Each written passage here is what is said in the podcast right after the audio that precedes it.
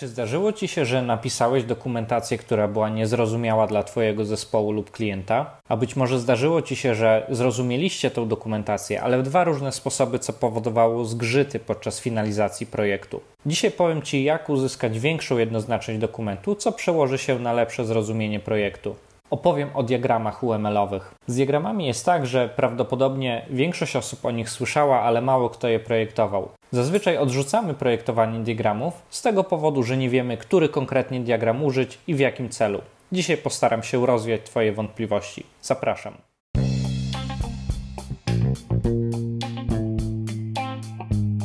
Cześć, ja nazywam się Karol Wójciszko i witam Cię w podcaście Według Planu który mówi o IT. Głównie skupiam się na dokumentacjach, wycenach projektów, zarządzaniu zespołem i projektami. Podcast od praktyka dla praktyków. Zapraszam. Na początku chciałbym powiedzieć, po co w ogóle są te diagramy. Więc musimy zaznaczyć, że diagram służy do komunikacji, czyli nasz analityk czy osoba pisząca po prostu dokumentację ma pewne myśli do przekazania, które wyraża za pomocą diagramów. I tutaj ja mam takie swoje powiedzonko, że dobry diagram wyraża więcej niż tysiąc słów, no bo tak naprawdę widziałem wielokrotnie, kiedy dobieramy złe narzędzie komunikacji, czyli na przykład w przypadku procesu, który idealnie pasuje, żeby był zobrazowany za pomocą diagramów, często wybieramy po prostu drogę opisową tego, co w praktyce wygląda tak, że bardzo ciężko opisać jest taki proces, tym trudniej jest zrozumieć ten opis, który napisaliśmy i koniec końców to się wszystko staje nieczytelne, z tego powodu, że wybraliśmy właśnie niewłaściwe narzędzie, do odwzorowania tego procesu. Zamiast diagramu użyliśmy tekstu.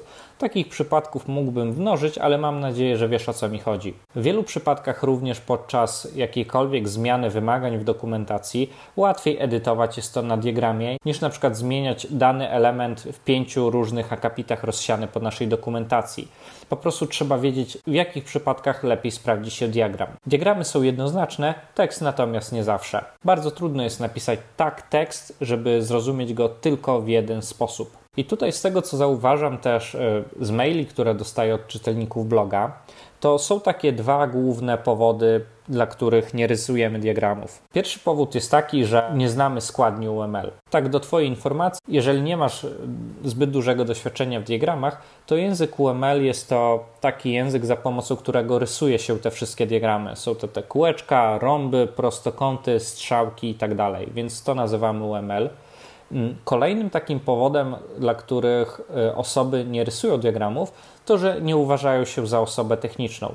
Nie wiem skąd ten mit, ale generalnie tak przyjęło się błędnie, niestety, e, że te diagramy rysują tylko osoby techniczne, bo gdzieś tam głównie spotykaliśmy się z tym, że rysowali je programiści. Natomiast uwierz mi, że osoba taka stricte biznesowa też jest w stanie zaprojektować bardzo dobry diagram. Tutaj, jeśli jeszcze chodzi o tą nieznajomość UML, to właśnie wiele osób przeraża, ile, jak, jak, jak wiele elementów tego języka UML trzeba poznać, żeby dany diagram rysować. Natomiast ja się nie do końca z tym zgadzam, bo to jest, wiecie, tak jak z angielskim. Czasami starając się powiedzieć coś po angielsku bardzo poprawnie, dobrać odpowiednie, ta, e, odpowiednie czasy, jakieś, nie wiem, takie wyrafinowane słówka, to przy tym wszystkim gubimy się i sens naszej wypowiedzi zupełnie umyka.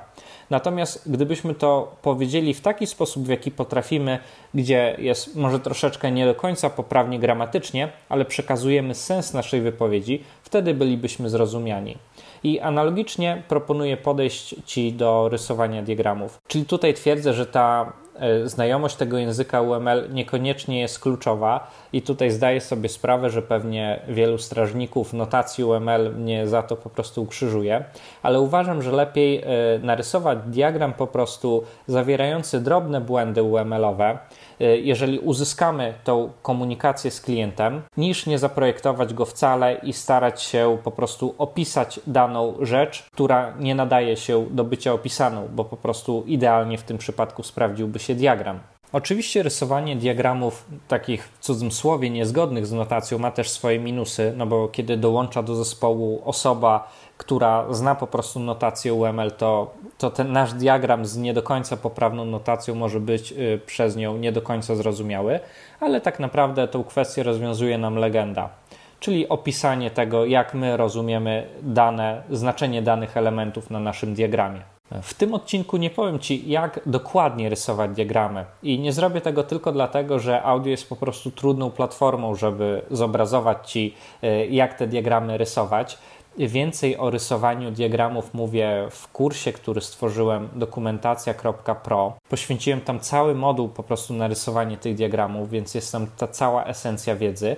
Natomiast w odcinku tego podcasta będę starał Ci się zobrazować na tyle, na ile pozwala mi po prostu audio, żebyś dowiedział się, jak rysować te po prostu diagramy. Więc dobrze, jakbyś po odsłuchaniu tego odcinka zajrzał do notatek z tego odcinka, gdzie po prostu mam e, poszczególne linki do tych diagramów i to pomoże Ci zrozumieć całość. E, natomiast jeszcze polecam Ci dołączyć do mojego mailingu o dokumentacji. Link jest również w opisie, bo po prostu podsyłam tam szereg wskazówek, e, jak tworzyć dokumentację zrozumiale i między innymi jeden mail jest o diagramach, więc polecam. Tutaj taka jeszcze uwaga, że tych diagramów UML jest naprawdę sporo, każdy służy do czego innego. Ja natomiast na potrzeby tego odcinka wybrałem tylko kilka diagramów, które Ci omówię, i to są z mojej perspektywy diagramy, które po prostu najczęściej się sprawdzają i pokryją Ci najwięcej problemów, które zazwyczaj występują, i na pewno wspomogą Twoją dokumentację. Więc zacznę od diagramu przypadków użycia. Po angielsku jest nazywany często potocznie use case'em i polecam Ci zacząć właśnie od niego jak wygląda taki diagram. Wygląda on tak, że mamy wypisanych naszych aktorów w postaci takiego ludzika. Jak zajrzysz do notatek z tego odcinka, to wszystko ci się to zobrazuje. Generalnie ten ludzik, ten człowieczek jest naszą rolą projektową, czyli osobą, która korzysta z naszego systemu. Każda z tych ról ma wypisane w takich właśnie elipsach poszczególne funkcje, które ma dostępne w naszej aplikacji, w naszym projekcie, który tworzymy. I te właśnie kółeczka są nazwane poszczególnymi przypadkami użycia. Więc tutaj, jak widzisz, możesz mieć kilka tych właśnie aktorów, y, którzy korzystają z naszej aplikacji, i każdy z nich może mieć inne te właśnie przypadki użycia. Tutaj podam Ci taki przykład, żeby to lepiej zobrazować. Wyobraź sobie, że mamy aktora, którym jest nasz księgowy, i księgowy, który korzysta z naszej aplikacji, ma takie przypadki użycia jak dodanie nowej faktury, wyświetlenie listy faktur, edycja faktury, usunięcie faktury, wystawienie korekty. Mam nadzieję, że zaczynasz czaić, co mam na myśli. Tych aktorów może być więcej, mogą mieć wspólne przypadki użycia, przypadki użycia mogą się rozszerzać. Generalnie nakreśliłem Ci taki kontekst. Musisz też zapamiętać, że taki diagram przypadków użycia stosuje się jeden do całego projektu i pokazuje on idealnie skalę projektu. Czyli po narysowaniu takiego diagramu przypadków użycia, gdzie wypiszesz wszystkich aktorów i wszystkie y, przypadki użycia dla poszczególnych aktorów, będziesz znał doskonale skalę projektu, czyli będziesz wiedział z jak dużym lub z jak małym projektem masz po prostu do czynienia. Kolejną taką zaletą tego diagramu jest to, że tak właściwie taki diagram będzie checklistą do opisywania. No bo jeżeli mamy wszystkie te nasze punkty, te wszystkie przypadki użycia do poszczególnych aktorów, to jest już po prostu mały krok od tego, żeby ułożyć tego spis treści i sobie odznaczać elementy, które są opisane, elementy, które mamy już pokryte opisem w naszej dokumentacji. Diagram przypadków użycia jest też idealnym wstępem pod pozostałe diagramy. Kolejnym diagramem, który chciałbym omówić, jest diagram czynności po angielsku nazywa się Activity Diagram i jest to drugi diagram, który zazwyczaj przygotowuję po diagramie przypadków użycia i jest on świetny, żeby pokazać różnego rodzaju procesy projektowe. I tutaj taka uwaga, bo mówiąc procesy, to jest oczywiście ogromny skrót myślowy. Ten diagram nie służy stricte do projektowania procesów projektowych, ale pomaga zaprojektować nam sekwencję różnych zdarzeń w naszej aplikacji z podziałem właśnie na aktorów, na tak zwane czy tak zwane partycje. Więc tak to mniej więcej wygląda i można w takim bardzo dużym skrócie myślowym powiedzieć, że służy do projektowania procesów. Generalnie diagram czynności składa się z partycji. To jest taka główna część, którą powinieneś e, wiedzieć, czym jest i możesz rozumieć tą partycję jako pewien, pewnego rodzaju obszar. I tych obszarów w Twoim, twoim diagramie czynności możesz mieć kilka. Każda partycja ma jakąś nazwę, może mieć tak zwanego właściciela. Tutaj właścicielem może być na przykład rola projektowa. Czyli wszystkie elementy, które znajdą się w danej partycji, wiadomo, że dotyczą tego konkretnego aktora projektowego. I teraz na podstawie tych wszystkich partycji, które mamy, możemy zaprojektować w cudzym słowie nasz proces projektowy. Czyli na przykład, nie wiem, generowanie umowy. Podam tutaj taki przykład, żeby to lepiej zobrazować. I na przykład generowanie umowy jest inicjowane przez użytkownika z rolą, nie wiem, powiedzmy redaktor. Więc w partycji z redaktorem jest klocek przycisku wygenerowanie umowy. Kolejnie z tą umową dzieje się coś innego, przechodzi na przykład do innego działu, albo na przykład jest wysyłane do jakiegoś API, więc wtedy jest strzałeczka do osobnej partycji, której właścicielem jest nasze API. Tutaj, jeżeli chodzi o projektowanie tego właśnie procesu w ten sposób, mamy do dyspozycji wiele elementów, jak na przykład warunki decyzyjne, czyli możemy tam zawrzeć na przykład, czy data jest od do albo czy jakaś wartość jest powyżej lub poniżej naszej oczekiwanej i wtedy sterować sobie, e, co się dzieje w danym projekcie. Czyli tutaj tak naprawdę e, bardzo nam się ułoży w głowie właśnie te nasze takie procesy projektowe, ten ogrom cały, który mamy i przepływu między tymi partycjami, pomiędzy poszczególnymi aktorami systemu lub pomiędzy nawet modułami w, naszym aplika- w naszej aplikacji. Zdaję sobie sprawę, że bardzo ciężko jest wyobrazić to w formie audio, dlatego gorąco zachęcam Cię do kliknięcia w opis, w opis do notatek tego odcinka. Tam będzie troszkę więcej informacji. Jeżeli chodzi o samo rysowanie diagramu czynności, to polecałbym przejrzeć Ci najpierw e, diagram przypadków użycia i wybrać po prostu te najbardziej skomplikowane elementy, które wymagają takiego lepszego zobrazowania, jak to wygląda pomiędzy poszczególnymi modułami, poszczególnymi aktorami, jak wygląda ten przepływ, jak wygląda ta cała sekwencja zdarzeń. Tak naprawdę diagramów czynności możesz przygotować kilka na, na cały projekt, inaczej niż w przypadku diagramów przypadków użycia, gdzie, gdzie tam po prostu projektowałeś ten diagram jeden. Tutaj diagramów czynności możemy stworzyć kilka. Czyli mamy tak naprawdę diagram przypadków użycia, który prezentuje nam skalę projektu, nasz ogrom projektu, diagram czynności, który służy do projektowania procesów projektowych. I mamy też jeszcze jeden bardzo ważny diagram, który zawsze projektuje kolejnie, czyli jest to diagram klas. I diagram klas, tak w wielkim skrócie, służy Ci do ułożenia nomenklatury pojęciowej Twojego projektu, bo uwierz mi, że bardzo ważne jest to, żebyś mówił z klientem i zespołem realizacyjnym jednym językiem. Nie ma nic bardziej zgubnego niż właśnie niejednoznaczność tych pojęć. To może się zdarzyć na przykład wtedy, kiedy z klientem tym rozmawiasz o jednej rzeczy i używacie tego samego pojęcia na dwa różne elementy, no i później siłą rzeczy, kiedy ten projekt oddacie, no to każdy z Was spodziewa się czegoś innego wtedy taka satysfakcja klienta z tego projektu jest dużo niższa, jest dużo niezrozumień, trzeba to wszystko później poprawiać. Dlatego bardzo ważne jest, żeby zbudować nomenklaturę pojęciową. I tutaj, jeżeli chodzi o diagram klas, to takimi kluczowymi pojęciami jest siłą rzeczy klasa, i możesz to rozumieć jako taki formularz na pewne dane. Twoją klasą w takim projekcie przykładowym może być na przykład użytkownik, i nasz przykładowy użytkownik mógłby mieć klasę składającą się z takich właściwości jak ID, imię, nazwisko, e-mail, PESEL, nie wiem, data urodzenia powiedzmy. To by była nasza klasa użytkownika.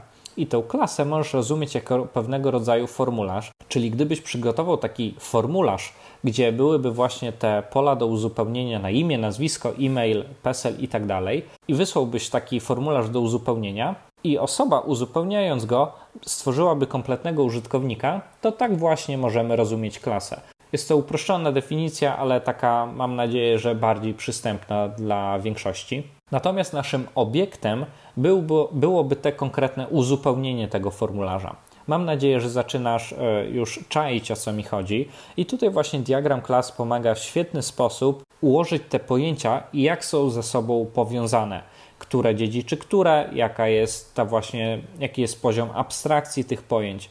I uwierz mi, że z pozoru może wydawać się to nieważne, ale tak naprawdę jest kluczowe, żebyście zrozumieli na przykład z klientem i z zespołem realizacyjnym, kiedy zamówienie staje się zamówieniem bo bardzo często w praktyce to wygląda tak, że w innym momencie klient rozumie, co jest zamówieniem, a w innym momencie powiedzmy aplikacja przyjmuje to zamówienie. Tutaj to zamówienie jest tylko przykładem, bo gdzieś tam z mojego doświadczenia to najczęściej powodowało właśnie te problemy, które rozwiązałoby się diagramem klas. Tutaj, tak jak w przypadku pozostałych diagramów, no, ciężko wytłumaczyć to w formie audio, więc zapraszam do notatek z tego odcinka. Tutaj należy jeszcze sobie powiedzieć, że diagram klas jest czymś innym niż diagram struktury bazy danych, chociaż wiele osób błędnie uważa to za to samo. E, różnica jest taka, że diagram struktury bazy danych mówi generalnie, którym konkretnie polem ze sobą te pojęcia, które wypisaliśmy, będą powiązane. Natomiast w diagramie klas tworzymy pewną rodzaj abstrakcję, gdzie definiujemy tylko, że no, faktura jest powiązana z klientem, ale nie, nie definiujemy tego w jaki sposób dokładnie. Możemy natomiast zdefiniować tylko liczebność tej relacji. Natomiast model takiej struktury bazy danych definiuje nam już konkretne pola, które, e, które po prostu będą ze sobą powiązane. No i siłą rzeczy niekoniecznie diagram klas jest jeden do jednego odwzorowaniem struktury bazy danych na pewno pomaga e, w stworzeniu struktury bazy danych i tutaj mogę Ci zagwarantować, że osoby techniczne bardzo to docenią. I tutaj taka uwaga, bo ten diagram klas dla klienta jest zazwyczaj najtrudniejszy do zrozumienia, więc ja przygotowując go zazwyczaj posiłkuję się jeszcze przygotowaniem takiego lakonicznego i krótkiego opisu wyjaśniającego ten diagram.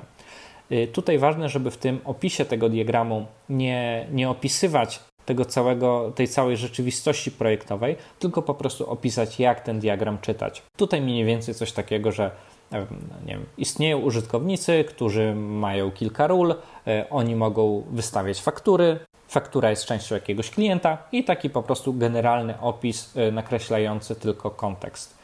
I tutaj najlepiej, jeżeli stworzymy taki jeden diagram klas na cały projekt.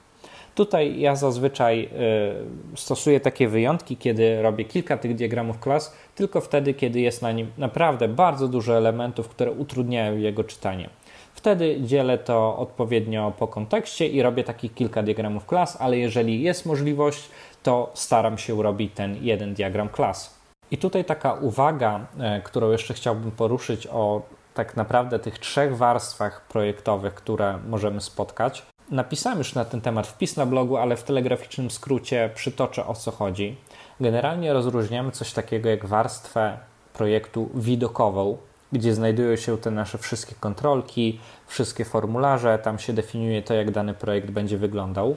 Kolejną warstwą jest warstwa logiki, gdzie definiujemy po prostu naszą logikę biznesową, czyli obsługiwanie tego, co wychodzi z warstwy widokowej do tej warstwy logicznej, co się z tymi danymi dzieje, jakie są, nie wiem, walidacje pól, gdzie je przesyłamy i tak dalej. Jest jeszcze warstwa modelu. I ta właśnie warstwa modelu mówi nam o tym, w jaki sposób te informacje, które zostały przetworzone, przechowujemy w naszej bazie danych. I teraz dlaczego o tym mówię? Bo tak naprawdę warto sobie powiedzieć o koszcie naprawu błędów w poszczególnych warstwach, bo tak, jeżeli popełnimy jakiś błąd, przez błąd tutaj rozumiem, że coś źle zaprojektowaliśmy, że musimy to przebudować, w warstwie widoku, to wystarczy, że poprawimy to po prostu w warstwie widoku. Przebudujemy jakiś formularz, yy, zmienimy, nie wiem, kolor lub cokolwiek takiego. W każdym razie to dotyczy warstwy widoku. Natomiast jeżeli popełnimy błąd w warstwie logiki, to bardzo często w związku z tym, że zmieniamy jakąś logikę e, naszą biznesową, gdzie na przykład jedno pole jest rozbite na dwa albo dwa pola są scalone w jedno, to oprócz tego, że musimy przerobić tą właśnie wcześniej wspomnianą logikę, bardzo często też musimy przebudować naszą warstwę widokową aplikacji, czyli na przykład dostosować jakiś formularz do tej naszej nowej logiki. I kolejną taką warstwą y, po warstwie logiki jest właśnie warstwa modelu, czyli trzymania tych danych. I tutaj, jeżeli dojdziemy do wniosku, że trzymamy dane w złej strukturze, na tyle złej, że uniemożliwia nam to odczytanie na przykład jakiejś wartości, bo trzymamy to w kompletnie zły sposób, to bardzo często to powoduje, y, że musimy dokonać zmian w warstwie modelu, również w warstwie logiki, żeby na przykład w inny sposób zapisywać te dane do naszej warstwy modelu i również w warstwie widoku niestety, bo na przykład musimy coś przebudować, jakiś formularz. Więc jak widzisz tutaj, że czym głębiej schodzimy do tych warstw, tym koszt naprawy tego błędu jest większy, bo powoduje to zmian większej ilości projektów i na różnych etapach. I dlatego właśnie, dlatego właśnie powiedziałem o tym, bo diagram klas pomaga trzymać Ci porządek na tej warstwie modelu. Czyli pomoże to osobom technicznym e, odpowiednio zrozumieć e, model pojęciowy Twojego projektu i dostosować tą strukturę bazy danych tak, żeby była odpowiednia właśnie dla tego danego kontekstu, żeby nie utknąć w tak zwanym ślepim zaułku, żeby trzeba było to przebudować. Oczywiście wszystkich błędów nie unikniemy, ale tutaj diagram klas jest naprawdę bardzo dobrym narzędziem, żeby trzymać ten porządek w naszym aplikacji, tak już mówię to bardziej od strony jakby technicznej, od strony kodu i ogólnie logiki. To tyle, jeżeli chodzi o diagram klas. Kolejnym diagramem, którym po nim projektuję, to zazwyczaj diagram stanów, a właściwie diagram maszyny stanowej i pomaga on nam rozumieć stany. I teraz e, podam Ci taki przykład spoza IT, żeby było Ci to łatwiej zrozumieć. Cykl życia dorosłego możemy podzielić na pewne stany. Najpierw jesteśmy dzieckiem, później jesteśmy nastolatkiem, później jesteśmy dorosłym. I to są nasze stany, stany życia człowieka, tak, dla uproszczenia. I teraz przejście pomiędzy każdym z tych stanów musi wywołać jakąś akcję, jakieś warunki muszą być spełnione. I tutaj możemy tak sobie wyobrazić luźno, że żeby stać się dorosłym, czyli przejść z nastolatka do, do dorosłego, musimy stać się niezależni finansowo. I tutaj zdarzeniem, które zmieniałoby nam ten stan z nastolatka do dorosłego, byłoby na przykład znalezienie pierwszej pracy, kiedy stalibyśmy się niezależni finansowo. I właśnie analogiczne stany i zdarzenia dzieją się w Twoim projekcie. Na przykład, jeżeli chodzi o konkretne zamówienie, które może być opłacone, zrealizowane, odrzucone, wysłane itd., tak itd. Tak I właśnie diagram stanów pomaga Ci zrozumieć tą całą rzeczywistość. Tutaj bardzo pomoże to programistom, którzy będą w stanie lepiej odwzorować to, co się dzieje właśnie w kodzie, porobić odpowiednie metody. I też bardzo to wspomaga układanie różnego rodzaju procesów projektowych, czyli mniej więcej to, co robiliśmy w diagramie czynności, to powinno być ze sobą bardzo spójne, bo od poszczególnych akcji, które dzieją się w diagramie czynności, będą wpływały na na przykład zmianę stanów, te różne poszczególne akcje. I tutaj diagramów takich, diagramów stanów do projektu możesz mieć właściwie kilka do projektu, w zależności od tego, jak duży jest Twój projekt.